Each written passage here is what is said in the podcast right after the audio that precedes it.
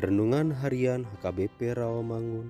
Ikutlah aku Senin 4 Oktober 2021 dengan tema Memperoleh Hidup Kekal.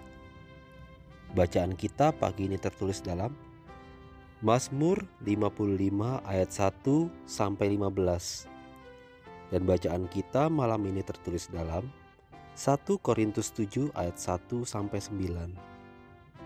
Dan ayat yang menjadi renungan kita hari ini tertulis dalam Yohanes 6 ayat 47 yang berbunyi Aku berkata kepadamu sesungguhnya barang siapa percaya ia mempunyai hidup yang kekal.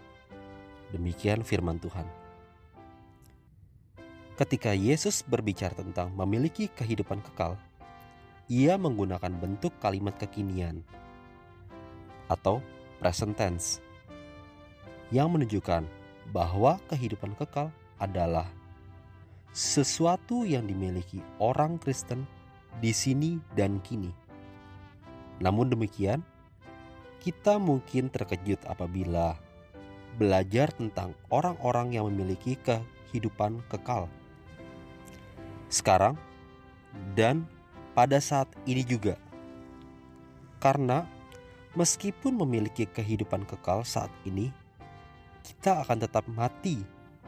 Meskipun orang-orang percaya itu mati, mereka tidak musnah.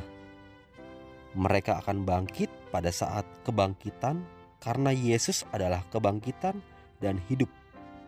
Barang siapa percaya kepadaku, ia akan hidup walaupun ia sudah mati.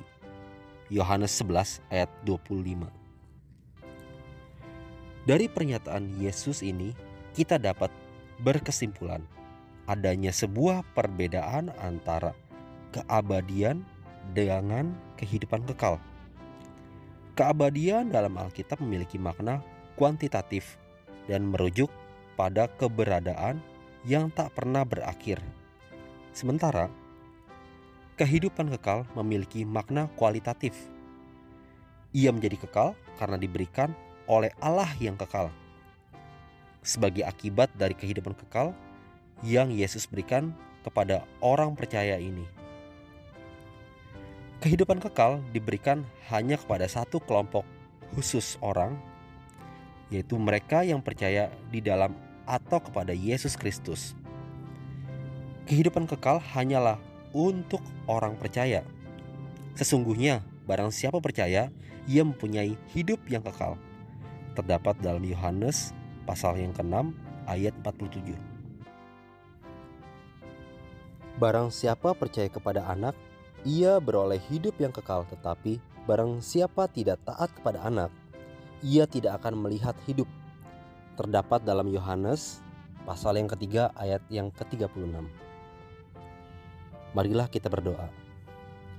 Ya Tuhan Yesus, Engkau telah mati untuk menebus kami dan memberikan keselamatan bagi setiap orang percaya kepada kekekalan yang Engkau sediakan bagi kami. Amin.